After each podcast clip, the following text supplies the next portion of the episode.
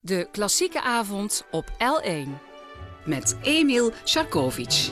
Goedenavond en welkom in het eerste uur van de L1 Klassieke Avond, waarin ik zoals altijd een gast uit de muziekwereld ontvang die in zijn of haar platen, cd, muziekkast is gaan struinen, een muzieklijst heeft samengesteld en dat heel graag met ons wil. Hij studeerde jazzpiano aan het Conservatorium van Maastricht en heeft sindsdien in vele verschillende projecten gewerkt en in heel wat uiteenlopende stijlen gespeeld.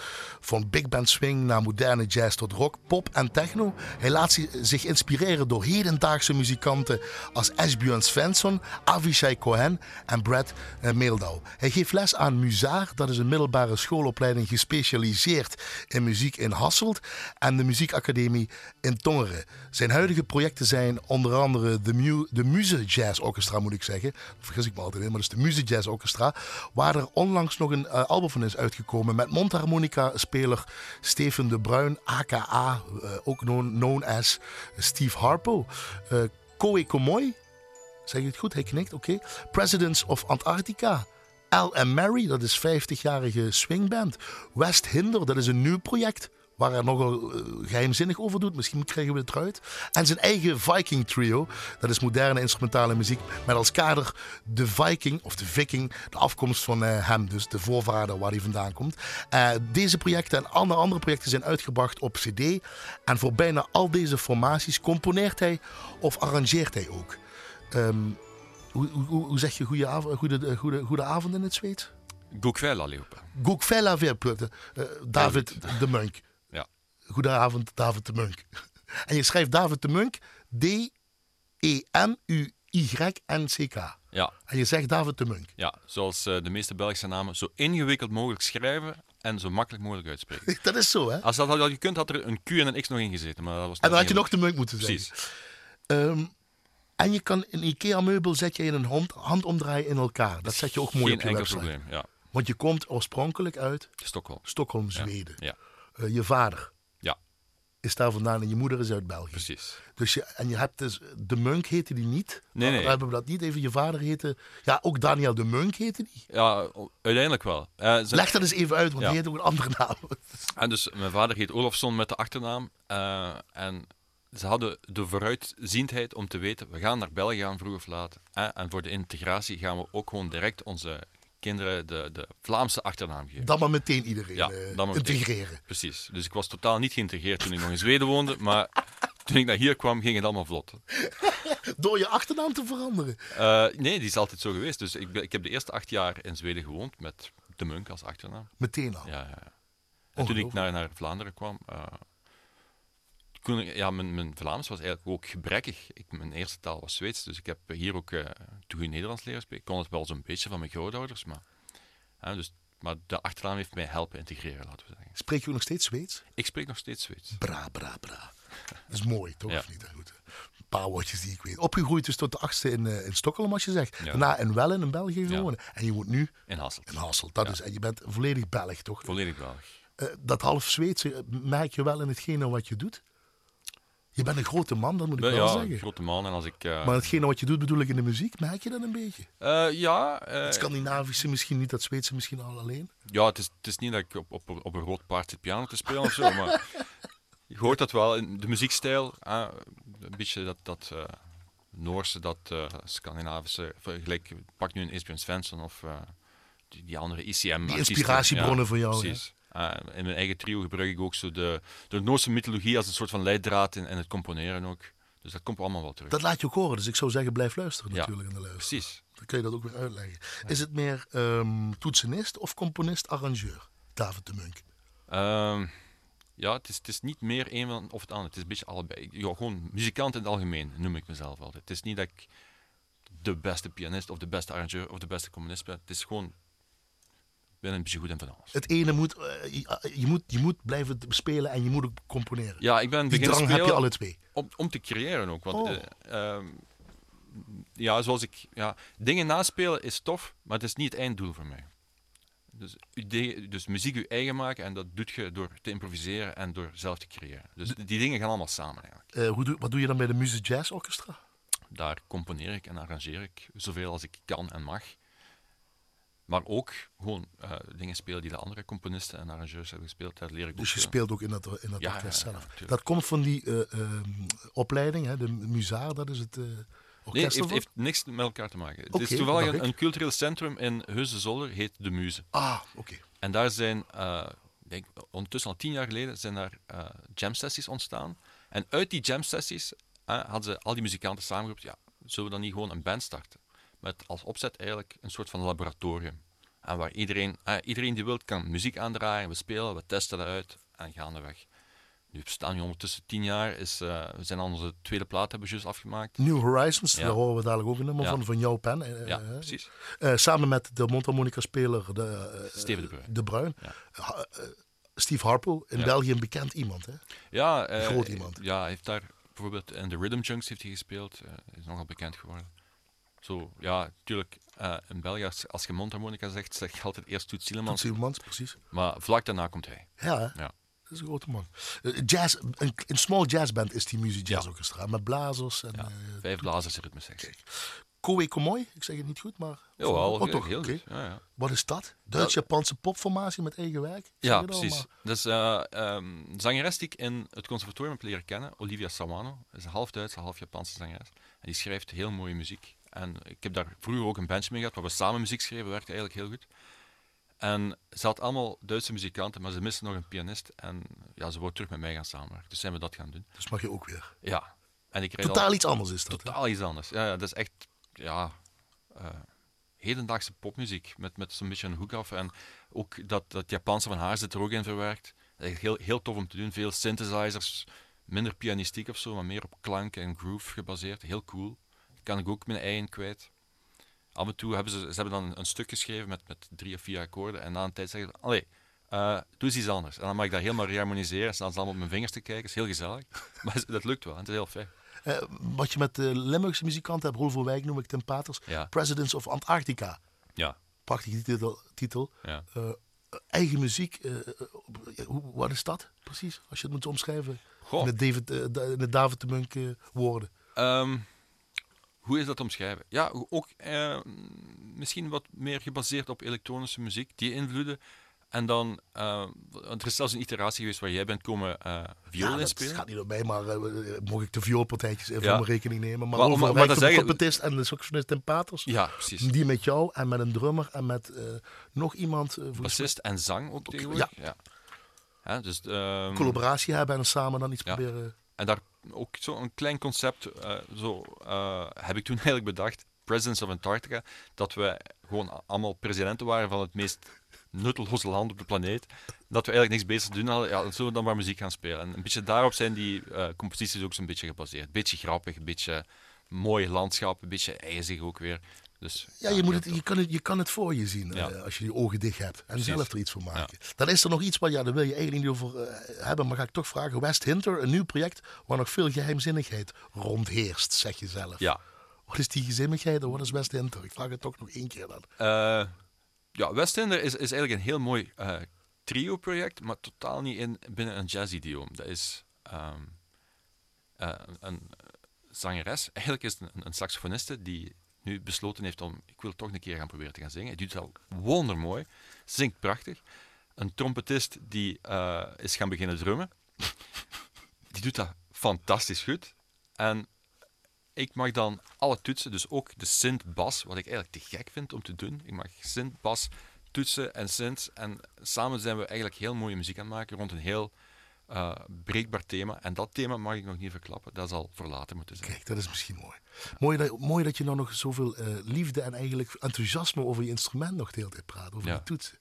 Dat zit er nog steeds in. Ja, ja. Gaan we, gaan we dadelijk uitleggen hoe het begonnen is. En je geeft nog les dus aan dat eh eh Muzaar, dat Ja. ik zeggen, en aan de eh, muziekschool van Tongeren. Ja. Wat is het verschil tussen die twee eh, scholen? Ja, Musare is meer een, een soort van pre-professionele opleiding voor mensen die eh, later conservatorium of muziektherapie of eh, pedagogie of iets willen gaan studeren en met eh, muziek als, als rode draad, laten we zeggen. Dus we, hebben daar, we werken dan vaak ook na de latere jaren werken we naar die toelatingsproeven toe. Dus we hebben een, een, een, een programma op hoog niveau, laten we zeggen.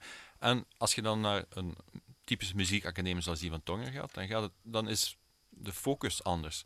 Niet dat, dat het minder ernstig moet zijn allemaal, maar het mag ook wat diffuser of, of meer gericht op een, op een heel specifiek iets. Of gewoon eh, het, het aangenaam beleven van muziek in het algemeen. Of gewoon motivatie, eigenlijk. Hè?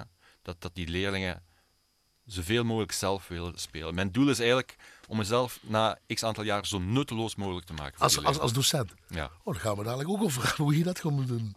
Eh, Erik Satie staat op je muzieklijst. Ja. Als begin. Even kort intro waarom je dit wil laten horen. Ja. Ehm, ik ben helemaal geen klassieke pianist. En, Hebben we dat al meteen eh, Ja, vastgesteld tijdens de klassieke avond. ja. Het is een muziekavond, laten we het zo doen. Ja, ik, ik, heb, ik, ik hoor het heel graag en mijn grootouders hoorden het ook heel graag. Dus ik heb iets leren spelen wat ik, wat ik me in kon vinden en wat zij eh, ook zouden kunnen appreciëren. En dat was die Erik Satie. En ik heb dat ooit van mijn eh, leraar techniek, denk ik, in het conservatorium gekregen. Man die echt een standbeeld verdient, wat hij met mij heeft moeten doormaken. Dat was verschrikkelijk. Ik oefende nooit. En mijn examen, twee weken voor mijn examen oefende ik wel. En toen kreeg ik een 8. En de jury was tevreden. En hij zat vol vraagtekens in zijn ogen. Maar in ieder geval, Satie. Dus wat ik mooi vond aan Satie is, is bijvoorbeeld de aantekeningen die hij maakt op zijn blad. Hij, hij, maakte van die... ehm, bijvoorbeeld, daar staat questionnaire, hè, dus vraagstellend. Du bout de la pensée, op de rand van het denken. Dat zijn aantekeningen, daar zullen waarschijnlijk heel veel discussies over zijn geweest. Ik ben zeker geen expert erin, maar voor mij was dat een manier om, om je hersens leeg te maken. En, en gewoon volledig in die muziek te zijn. Want ik herinner mij, want ik kende de noten eigenlijk, dus ik moest daar eigenlijk niet te veel over nadenken. Maar als ik echt die uh, die zinnetjes las terwijl ik aan het spelen was, dan speelde ik totaal anders. Daar zat opeens veel meer gevoel in. Dan dat je de noten zag op die notenbalk. Ja. En sowieso ook dat discussie over dat gnossien, wat dat betekent. Ja. En gymnopedie, wat dat allemaal betekent. Dat, daar zijn nog, nog alle meningen over eh, Ja. verschillend. Hè? Ja. Daar hoeven we nou niet dieper over in te gaan. Nee, want dit is voor mij weinig van belang. We horen de uitvoering van Pascal Ro- Roger in, Ja. eh, uit 1983, jouw geboortejaar. Dat In mijn ook geboortejaar. Je Eh, bent ook eh, nou, eh, 35 jaar, dat is ook mooi. nog steeds. Nog steeds, ja. Ja. Maar wat je wilde iets zeggen, sorry? Eh, ja, ik heb heel wat eh, versies van, van dat stuk beluisterd. En dit is eigenlijk wat het dichtste bij komt hoe dat ik het zou spelen. Ik hoor heel vaak heel snelle versies, Ja. maar dat, dat is totaal niet wat ik voel. Dat is wat iemand anders misschien wel kan voelen. Maar Dit niet, hè? Dit is... dit niet. Dit is heel mooi en rustig. En ik speel dit nog altijd als ik bij mijn grootouders langskom. Die hebben zo'n oude, eh, half ontstemde vleugel. En dat klinkt daar nog altijd... Dat is een van de weinige stukken die echt mooi klinkt op die piano ook. En ik weet dat mijn... eh, ik kijk altijd achteraf, eh, achterom. En mijn grootmoeder moet altijd zo stiekem zo'n klein traantje wegpinken. Dus ik weet dat ze dat heel veel plezier doet elke keer als dat speelt. Dus Dan denken, we, dan, denken we, dan, dan denken we, houden we dit beeld vast en dan nemen we daar een versnapering bij. Ja. Dan ga ik zoeken in de Ellen-kantine of ik iets vind wat jij graag wil drinken. En Ja. dat is? Oh, een, eh, een rondborstige rode Malbec. Natuurlijk, doe maar lekker makkelijk. Ja. Ik ga dat zoeken, ik ga maar luisteren naar Erik Satie. Gnossiens nummer 1.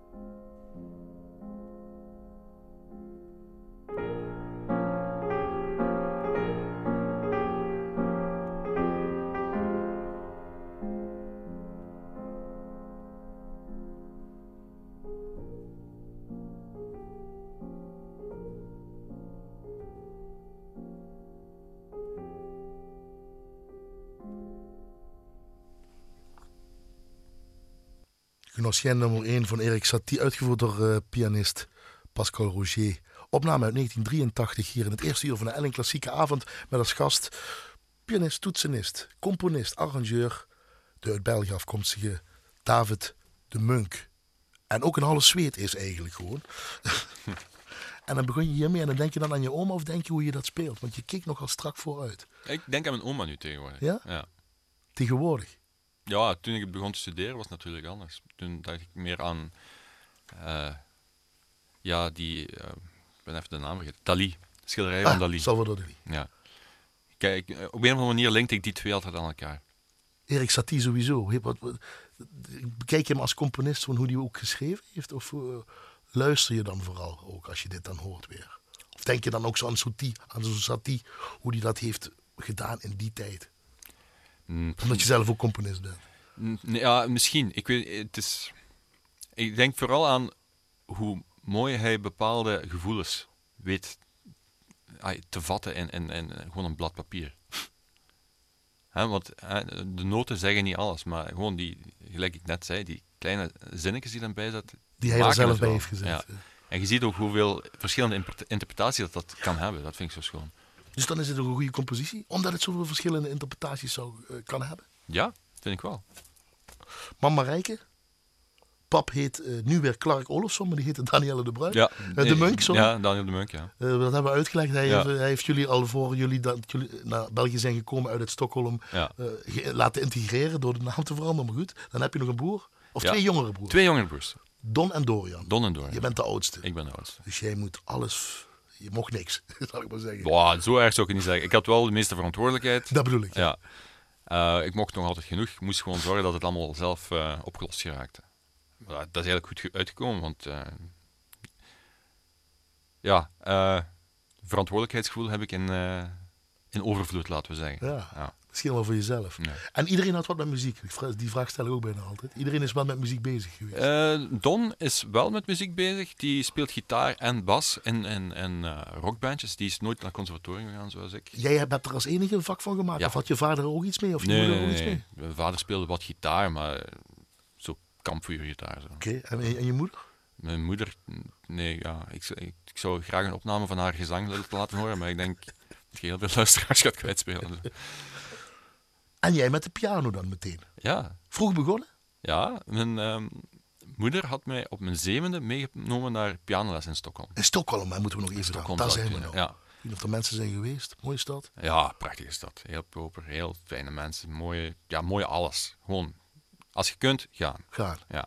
En dan ben je zeven jaar? Ik ben zeven jaar. En, en dat vond je, de, de weg naar de muziekschool vond je al? Uh, ja. Van de muziekles vond je al? Ik geloof dat dat op een, op een maandagavond was of zo. En dat is in, in de winter, zeker in de winter, is daar heel vroeg donker. Dus dat was, we gingen door de metro, allemaal die lichten, allemaal die, de, altijd dezelfde verkopers langs de straat. En dat was prachtig. En de, ik, ik, weet eigenlijk meer nog van de, van de reis daar naartoe dan van de lessen zelf.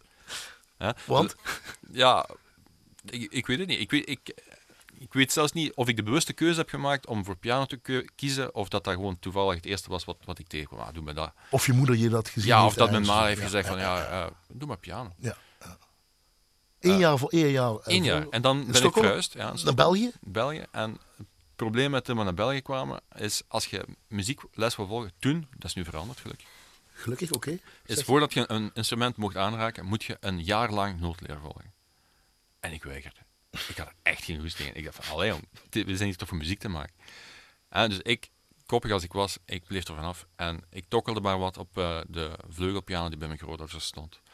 En ja, dan zetten ze af en toe een plaat op. En meestal, eh, dat was waar ik mee begon toch, was de Imagine van John Lennon.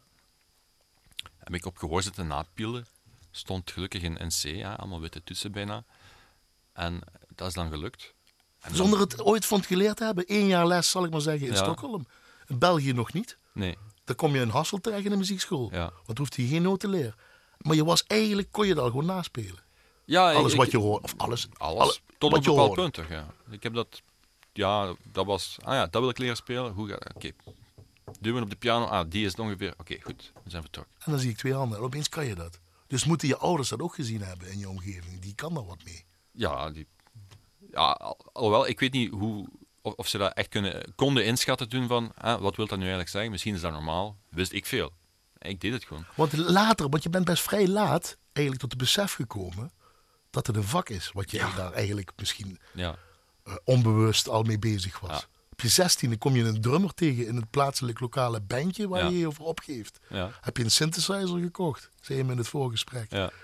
En door die drummer die op het conservatorium, die zei dat hij op het conservatorium za- zat in Maastricht nota bene. En dan dacht jij van, maar wacht eens even. Ja, dus ik wist niet dat dat een vak was. Nee, ja, ik was ja, een beetje wereldvreemd misschien, maar ik, ah, dus muziek kunt je gaan studeren en daar krijg je ook een, een, een blad papier op waar staat ik ben muzikant. Ah, cool. En dus ik was pas eh, op mijn veertiende was ik terug les gaan beginnen volgen in België. want Ze hadden daar in de muziekdroom hadden ze daar lessen waar je geen eh, voorkennis moest hebben op, Ja. van eh, theorie of zo. Toen ben ik daar. Redelijk laat, hè? Redelijk laat, ja. Want je wilde eigenlijk burgerlijk ingenieur worden. Ja. Heb je mij uitgelegd wat dat is? Ja, dat is in een hok zitten, berekenen. berekenen hoeveel eh, een brug kan dragen voordat hij in, in elkaar stort. Hè? Dus de belangrijke dingen van het leven. Tot dat moment met die drummer, die op jou dus andere gedachten heeft laten brengen. Dat kan ik ook doen. Ja, en ik heb zelfs nog, toen, toen wist ik pas van het bestaan af. Dan heb ik nog een jaar of twee ge- getwijfeld eigenlijk wat ik eigenlijk zou doen. En dan ben ik besloten van, ja, heel naïef en idealistisch misschien, hè, op, zoals je zei op je achttiende. Ik ga kiezen voor de onzekerheid en het geluk, hopelijk, tegenover de, de zekerheid en misschien de potentiële saaiheid van het leven. Zo simpel, zo moeilijk is het dan ook. Ja, Keuze. dat was, dat, oké, ik heb één leven, dan gaan we maar gokken. En dit was ook belangrijk voor jou. Ashbjorn Svensson trio, toen je dat hoorde. Ja, dat ben ik tegengekomen. eye-opener Ja, eigenlijk. in het, denk ik, tweede jaar van het conservatorium toen zag, Want je hebt gekozen, ik ga naar het conservatorium. En dat was, in het begin was het een beetje moeilijk voor, voor mij een draai te vinden, zoals ze dat zeggen. Eh, ik wist niet goed, wat ga ik doen? Die traditionele dingen, daar ben ik ook niet zo voor. te- ja, ik wou eigenlijk gewoon popmuziek spelen. Maar toen hoorde ik dat voorbij komen en ik dacht van, wat? Mag dat? Maar mag ik zo ook spelen? Mag je zo ook schrijven? Ah, dus dit, ah, nieuwe spelregels. En toen is mijn, mijn wereld helemaal opengegaan. Dus ik, ik mocht combineren en, en prutsen en, en, en eigenlijk doen wat ik wil. En dat mocht gewoon muziek noemen, zolang het goed klinkt. Zullen we luisteren? Ja, Neem een slokje van je rode wijn. kijk.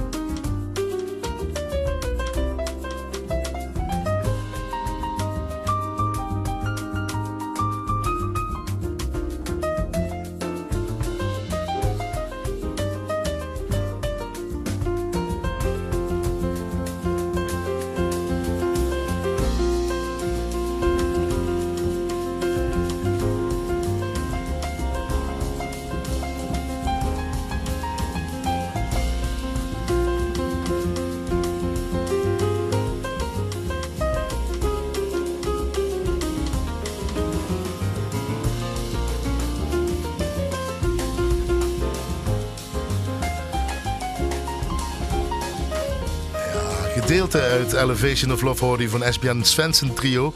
Hier in het eerste uur van de Ellen Klassieke Avond met als gast toetsenist, pianist, componist, arrangeur uh, David de Munk uit Hasselt uit België. Uh, Annette dacht, grote ogen keek ze me aan en die wilde eigenlijk de opname stoppen. Van dit klopt iets niet, want het begin, leg even uit, het is de distortion op de piano. Hè? Ja. Dit, hè, dit. Dit. En ik dacht Ja, eerst... even, even hoor. En ligt ook niet aan uw toestel, lieve luisteraar. Nee, nee. Dus die oversturing die je hoort precies op de piano, die wordt eigenlijk eh, gemaakt door een, een A4-blad op de snaren van de vleugel te leggen.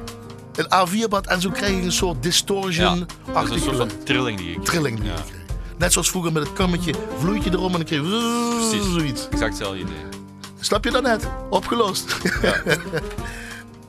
Want dat is ook mooi wat je nou zei toen, we dit gingen, toen je dit liet horen. Nieuwe spelregels. Ja. Dit soort dingen ook. Ook nieuwe spelregels. Dat je Ja. met je instrument kan. En ook begin van het uur zei je... Ja, dan kan ik eh, de bas meer doen. En dan kan ik met dit geluiden... Die, die, die, die, die, dat enthousiasme voor je instrument. Ja, ik, heb, eh, eh, ik speel heel vaak Fender Rhodes. hè. En ik heb nu een Fender Rhodes met allemaal leuke effectpedalen. en, Als je het zegt, begin je te lachen. ja, omdat, het, het, wat, ik heb altijd heel cool gevonden hoe dat gitaristen zo ah, klik, klik Ja, en zo scheurende Precies. solo konden neerzetten. Ik van, ja, eigenlijk kan ik dat ook. Dus ik heb ook gewoon zo'n dikke distortion pedaal aangeschaft. En soms doe ik die samen met, met een, een mooie vette delay. En dan kan ik gewoon met één hand een, een gigantische soort van tussen eh, aanhalingstekens gitaarsolo neerzetten. Ik, ik vind dat super ruig om te doen. En dat is, dat is het instrument eigenlijk op een andere manier gebruiken dan traditioneel. En dat vind ik dat heel tof om te doen. Nog steeds die zoektocht, nog steeds naar die klank zoeken, naar het idioom. Ja, of naar, ja. naar, naar de David de Munk, eh, eh, of David de Munk stijl of eh, sound. Ja, ja, ja. De, de, de Rhodes-klank die ik nu gebruik, dat mensen herkennen die ook onmiddellijk. Van, ah ja, dat is jij. Ah ja. Ja, dus, het is anders dan, dan gewoonlijk. Het- het- het- anders is niet altijd een reactie op iets wat ik niet goed vind. Het is gewoon, ah, maar dit is ook tof. Hè? Dus in plaats van de, de standaard chorus op een Rhodes te zetten, of, of door een, een Fender Twin te sturen, ja, dan, dan heb ik wat andere eh, leuke pedaaltjes gevonden die, die voor mij een veel toffere en, en vollere klank gaven. En ik ben dat blijven doen. Dat idealistische, die keuze wat je toen hebt gemaakt om niet hè, die, de, de burgerlijk ingenieur te worden, die wat uitrekent hoe, hoeveel me- mensen over een brug kunnen rijden en weet ik wat hoe zwaar, of hoe zwaar je het daarvoor mag zijn. Maar de muziek ingegaan. Eh, Ja. Docenten is ook belangrijk, neem ik aan. Zo'n conservatorium ook belangrijk. Mhm. Latere leeftijd begonnen, zeg je. Ja, Eh, Johan de Haan in het voorgesprek noemde je. Dat Ja. vind ik wel mooi. ja. Dit is een bekende hier in Zuid-Limburg en de Limburgse als muzikant zijn en met toetsen. Maar die, die, die, die, noemde je bijna als eerste. Dus toen je naar Maastricht kwam, zou ik maar zeggen, studeren. Nee, nee, Johan de Haan ben ik in België tegengekomen. Ben je in België tegengekomen? Dat was mijn eerste docent in de muziekadroom. Ah, Ja. kijk. En dat was eigenlijk heel tof. Dat was, ja, iedereen die Johan kent, weet dat dat een van de rustigste, liefste mannen op de planeet is. En zo was hij ook in de les. En hij heeft mij zo de beginselen van het improviseren en, en van akkoordenkennis bijgeleerd. En wat ik altijd zo tof vond is, ik kon ook met alles afkomen. Het was niet van, ah ja, maar heb je huiswerk gemaakt? Dat was, dat bijna bijkomstig. Hij, wat heb je gedaan? Ik zeg, ah, dit heb ik gedaan. En soms is dat een stuk van mezelf, soms is dat, was nu, nu, ik ja, iets, van Sinatra of zo, weet ik veel. Allemaal verschillende dingen waar ik dan andere dingen op wil uitproberen. En, af en toe gaf hij mij wel iets met, met noten, hè, want kon niet echt goed noten lezen, dus hij speelde dat altijd in. Dus ik had zo'n klein cassetje, was dat toen nog in de tijd. En dan hoorde ik hem soms op vloeken als hij een fout had gemaakt, die ik niet had gehoord. Dat was wel grappig. Dan steek ik in de auto en, en ik zei, ah, dit ga ik doen deze week. En ik keek eigenlijk nauwelijks naar het papier. Sorry Johan, het is zo. En ik speelde dat eigenlijk meestal gewoon na. Jij moest dus ook snel die literatuur leren, conservatorium. Moest je Ja. ook allemaal bijhouden. Ja, dus ik Dus moest toelating doen hier in, Ja? in, Maastricht. Als een spons alles... eh, Ja, en oké, ik ben binnengeraakt, maar eh, hier in Maastricht zijn ze gewend. Ah, er komt een Belg studeren, ah, die kunnen allemaal noten lezen. We zetten die gewoon voor hun neus wat ze... Wat ze maar je, was willen. half, je bent ook half Zweeds, dus ja, die zijn misschien dat anders. Ja, ik heb het proberen af te spelen op, op omgekeerd racisme, maar dat heeft niet gepakt. Maar, dus, ja, ik was een van de weinige Belgen die nauwelijks een noot kon lezen. En voor een pianist was dat nog een trap erger. Hè? Want sowieso, pianisten moeten goed kunnen lezen. Dus ik heb echt, echt mijn peren gezien. Op, want ik zat dan ook in het Arrangers Combo na een tijd. En ja, die mannen die hielden zich niet in. Die zetten gewoon... Was soms pianoconcerto met zo'n een, een trompet op de achtergrond. Ik dacht van, hé hey man, doe eens even normaal. Dus ik heb echt wel... Niet dat ik het echt heel goed kan nu, maar ik heb wel moeten leren lezen. Het is ook tegen mijn leerlingen, als ik nu lesgeef, zeg ik van... Kijk, je hoeft het niet te kunnen. Maar het is verdomme handig om te kunnen. Zeg dat nog eens. Dat zeggen namelijk niet heel veel leraren. Je hoeft het niet te kunnen. Die reageren meestal anders. Heb je nou weer niet gestudeerd? Dit had je gewoon moeten kunnen. Nee, nee. De noten lezen, dat, dat, is, dat is gelijk eh, lezen om te kunnen spreken. Je kunt spreken zonder te kunnen lezen. Je kunt muziek maken zonder te kunnen lezen. Dat is de muziektaal. Ja, Taal van de muziek. ja het, is, Of taal die muziek heet, zal ik het zo zeggen. het is een tussenstop en, en soms, soms zit het ding ook gewoon in de weg. Soms zie ik mensen kijken naar een blad papier en die zijn niet meer met muziek bezig. Is dat het verschil eh, met vroeger hoe jij les hebt gekregen misschien van sommige Misschien wel. docenten? Laat ik het dan zo vragen. Hoe doe jij het nu dan? Dan ben je zelf docent en componist en ben je met noten en Ja. met tonen en met klanken en weet ik wat bezig. Moet je dit eh, noteren? Ja, ik ben natuurlijk ook met noten en met papier bezig. Dat, omdat dat gewoon goed is om te kunnen en om te begrijpen. Maar naar zo'n leerling, naar jou toe, eh, de docent die je nou bent, naar zo'n leerling. Ja, eh, ik, ik leg het vaak zo uit. Ik ken geen enkele goede muzikant die helemaal spoort. Er zit, overal zit wel een schroef los. En ik denk dat dat ergens nodig is. Dus wat ik probeer te doen bij mijn leerling van dag 1 is die schroef lospeuteren. Want van zodra de motivatie van een leerling er is om thuis onmiddellijk achter dat instrument te kruipen en onmiddellijk te beginnen oefenen en van, gewoon die ontdekkingstocht te willen aangaan, is het gewoon de functie van een leerkracht om die af en toe eens een keer in de juiste kant, in de juiste richting uit te duwen. En ondertussen leren ze dan wel, hebben ze misschien niet in de gaten dat notenbeeld. Is heel kijk, als, gezien. als, ze, als ze die drang hebben om te leren, dan gaat dat notenbeeld vanzelf komen. Hoe krijg je ze dan ge- geïnteresseerd? Om, om maar te blijven peuteren met die vinger aan het schroefje. Ja, eh, ik, het is niet een eenvormig systeem dat voor iedereen werkt. Je kunt niet zeggen, van, oké, geef ze deze zes stukken naar elkaar en dat komt goed. Het is meer een, een, een, een cyclisch verband dat ik doe. Ik begin met een beginsituatie en ik vraag, wat hoort je graag? Wat wilt je leren spelen? Ah, dit. En dat kan, ah, begin de pianist, die komt binnen en zegt van, ah, ik wil Claire de Lune van de Bussy leren spelen. Ik zeg, ja, dat gaat niet. Hè? Dat, dat gaat gewoon niet. Maar je kunt ook gewoon reageren van, ah, is goed. Wat gaat wel van een stuk? De intro gaat misschien. Mm, pam, pam, pam, padadam.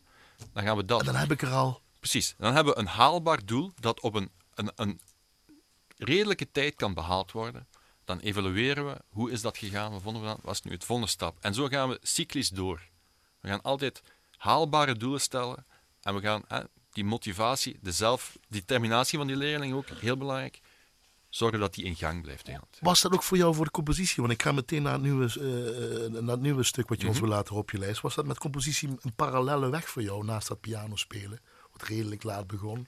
Naast Ja. dat, eh, die literatuur en kennen. Of Ja. was dat gewoon eh, Nee, ik ben, ben echt iets altijd... apart? Er waren dan misschien kleine stukjes en dan waren misschien gewoon halve improvisaties. Maar ik ben altijd bezig geweest met zelf muziek maken. Dat vond ik altijd eh, het allerbelangrijkste. Dus die plaat van John Lennon, eh, die je dan kon naspelen, Imagine, zal ik Ja. maar zeggen. Wat je drie uur misschien gedaan hebt, tot iedereen er gek vond. Ja. Ging je daar variaties al op doen? Daar gingen soms variaties op doen. En, en ehm, ik had dan ook zo'n stukjes van, van in Stockholm nog.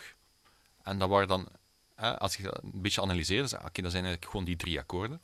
Hè, die drie drieklankjes. En dan begin ik over die drie drieklankjes ook wat te improviseren. Allemaal heel tonaal, heel, heel basic allemaal. Maar zo begin ik dan wel te creëren. En dan kom je uiteindelijk bij de nieuwe CD van de, de Music Jazz Orchestra, featuring de mondharmonica-speler Steven de Bruin uit. Ja. New Horizons. Ja. Zo heet het album ook. Ja. Titelalbum, eh, of dat is de titelnaam van het album. New Horizons. Eh, even kort, voordat we gaan luisteren, een gedeelte hieruit.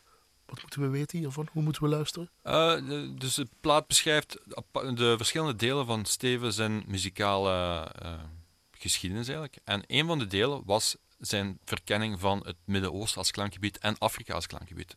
En die twee delen heb ik op mij genomen. En dan ben ik een beetje gaan experimenteren met Midden-Oosterse eh, toonladders en klanken, samen met eigenlijk eh, rockklanken. Omdat hij heeft, ja, hij heeft een heel zwaar blues- en rockverleden ook. En we horen blazers. Ja, en we horen blazers.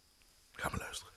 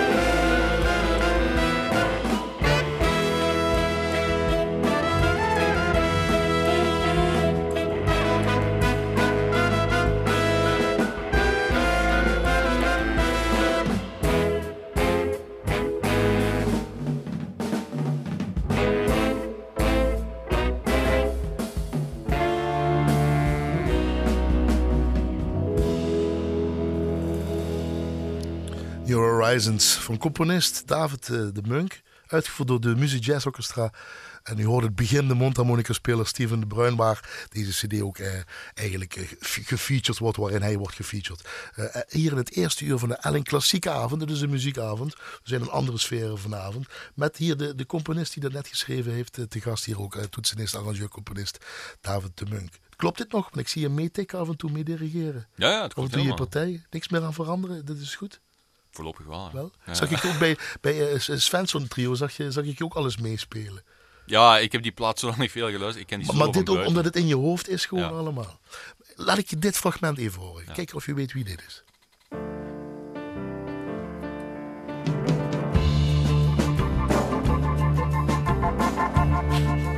Je danst een beetje mee, dus je weet het Ja. een beetje. Een klein stukje nog.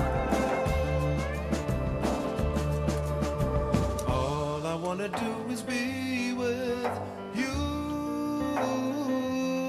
my love.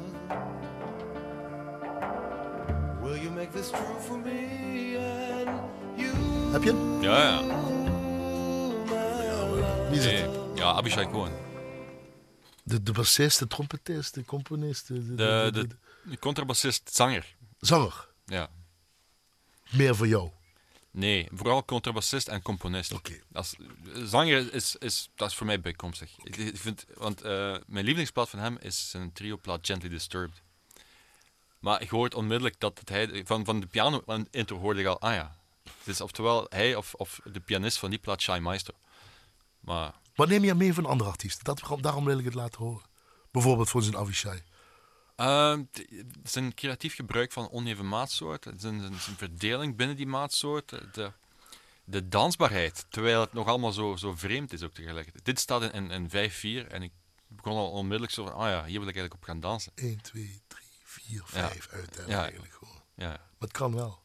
Is het dan het technische gedeelte wat je dan meeneemt? Ook, Want je, jij dit- wordt omschreven als, eh, ik, ik zeg sferisch, heel veel mensen zeggen filmisch wat jij maakt. Gaan we daar ook een voorbeeld van, eh, van horen. Ehm, is het dat wat je dan van jezelf hebt en dan van anderen een beetje plukt? En dat erin gooit en dat shakt en dat dan... ik denk het, ja. Of wat is dan David de Munk op dit moment, zal ik maar zeggen. Als Mm. componist. Ja, nogal, nogal filmisch zou ik zeggen. Maar ook, ik heb wel een, eh, ook wel een beetje een speelse kant. Die, en misschien niet op dezelfde manier als wat hij hier doet, maar van zodra ik op play duwde, kreeg ik zo'n big smile op mijn gezicht. Gewoon, ja, dit, dit heeft iets heel vrolijks en heel, heel speels, terwijl het eigenlijk heel secuur gespeeld is allemaal tegelijkertijd. Speel je, spre- eh, schrijf je ook alles uit? Of is er, ehm, is er een moment dat je kan improviseren ook in, jou, in jouw muziek? Altijd, mo- ja, er is altijd mogelijkheid tot improvisatie. Het hangt ook heel veel vanaf met welke muzikanten ik samenspeel. Oké. Want ik weet, ja, natuurlijk voor, voor blazers, omdat die allemaal samen moeten spelen, die moeten natuurlijk wel de noten hebben. Strijkers denk ik dan hetzelfde. Maar mijn mannen van de ritmesectie, daar moet ik, ik schrijf meestal een idee uit van, ja, dit is wat kan. Maar voel u vooral vrij om te improviseren en, en, en daar nog iets cooler van te maken. Ook al gaat het over een vaste groove. Weet je, die, die- dat, dat workshopgehalte van een nieuwe compositie is, is net wat leidt tot, tot net de volgende stap. Hè? Als ik- Omdat je ook hoort wat er dan gebeurt. Omdat Ja. je dat hè, dan misschien de eerste of tweede keer hoort. Wat je Precies. En, en er kan ook op bijgestuurd worden. Oké, Zit- zit je dan echt? Ga je ervoor zitten om iets te schrijven? Of Ja. gebeurt dat onder het eh, autorijden? Ik weet niet, onder het douche staan? Of, Nee, ik hoor Die verhaal ja. wel van, van veel componisten. Van, ja, ik was dit aan het fluiten en ik moest wel... ah, of ik werd wakker en ik had dit gedroomd. En, nee, maar dat, zo gebeurt het niet bij mij. Als ik wil gaan schrijven, eh, of ik nu een writersblok heb of niet, ik moet gaan zitten achter een piano en ik moet beginnen spelen. Dat moet oftewel met een Rhodes, oftewel een synth, oftewel een piano, of, of maakt niet uit. Iets wat mij kan inspireren, klankgewijs. Dan heb je dat lege canvas voor je. Ja. En dan? De, de, de nachtmerrie van elke componist is een leeg blad papier. Doe maar wat je wilt. En ja, dan? Ja, dat is verschrikkelijk. Ah ja, want eh, het eerste wat, wat u nu opduikt is, oké, nu moet mijn, mijn meeste werk moet nu komen. Het allerbeste wat ik ooit heb geschreven, nu. Eh, maar no pressure, begin maar. Hè. Ja, dat gaat natuurlijk niet. Dus wat ik vaak doe, en wat ik ook mijn leerlingen aanraad als ze met compositie beginnen, is ah, zet, zet, maak gewoon wat beperkingen. Zet, oké, eh, zeg voor jezelf, schrijf een wals. Of eh, schrijf iets in die toonsoort, of eh, gebruik die maatsoort. Als, als ze mij opbellen en zeggen van ja, ik heb eh, een arrangement nodig voor polka trio uitgebreid met zes blazers en een, een eh, Tibetaanse keelzanger.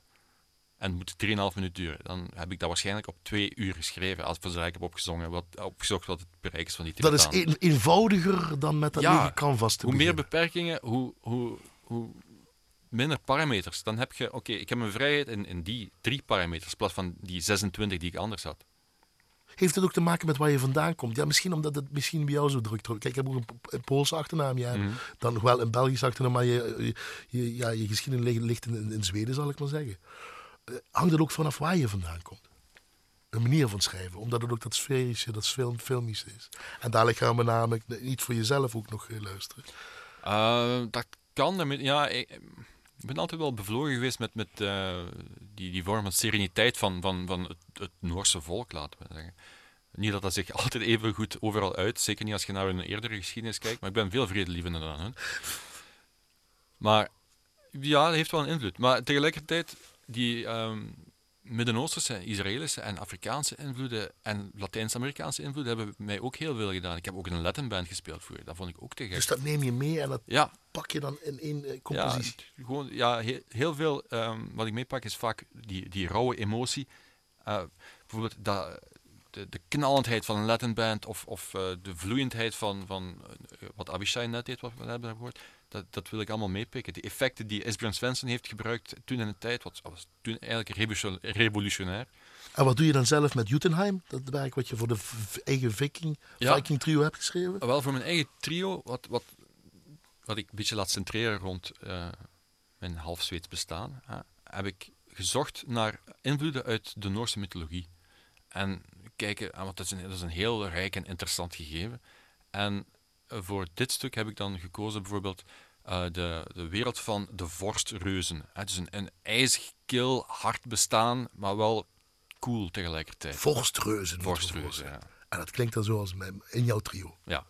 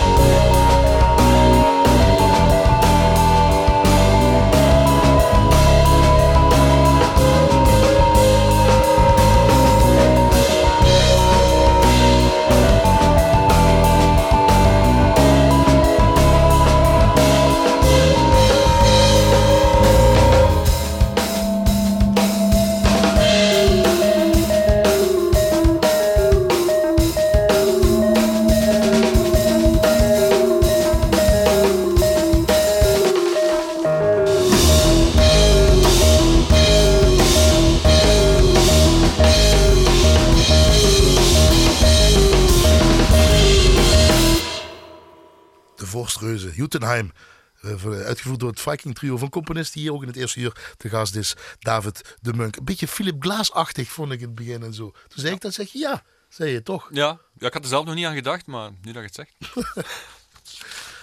Goed, we eindigen hem dadelijk met weer een nummer van jou, Road to Damascus. eh, dat heb jij dus ook weer geschreven en het was in, met een project van Tim Burton die in Genk eh, een installatie had staan. Hè?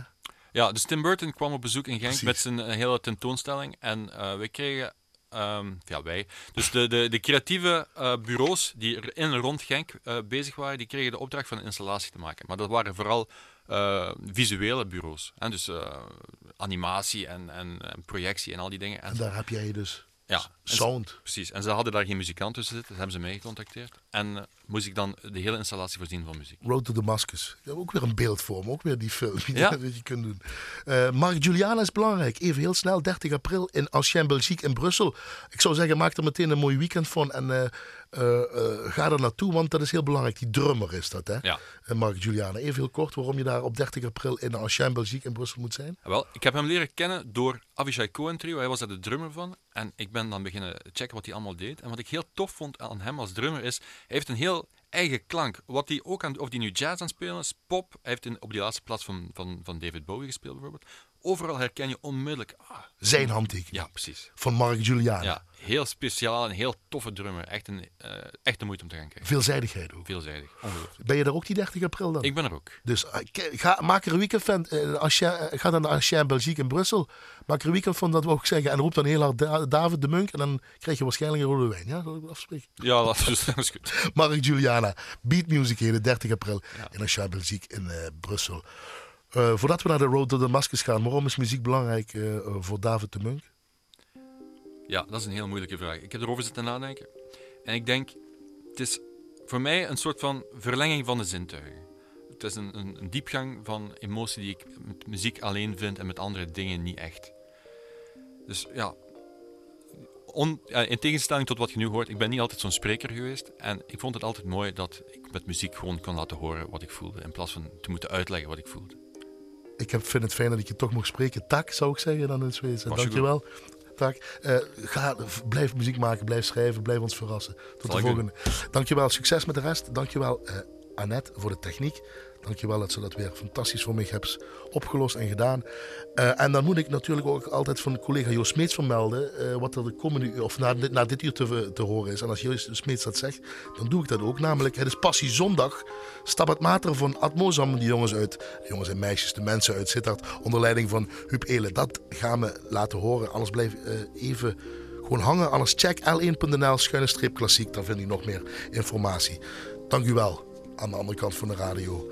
Maak er een, eh, nou laat ik zo zeggen, een fijne avond van, want dat heeft u verdiend. En een nog toffere week. Daagjes.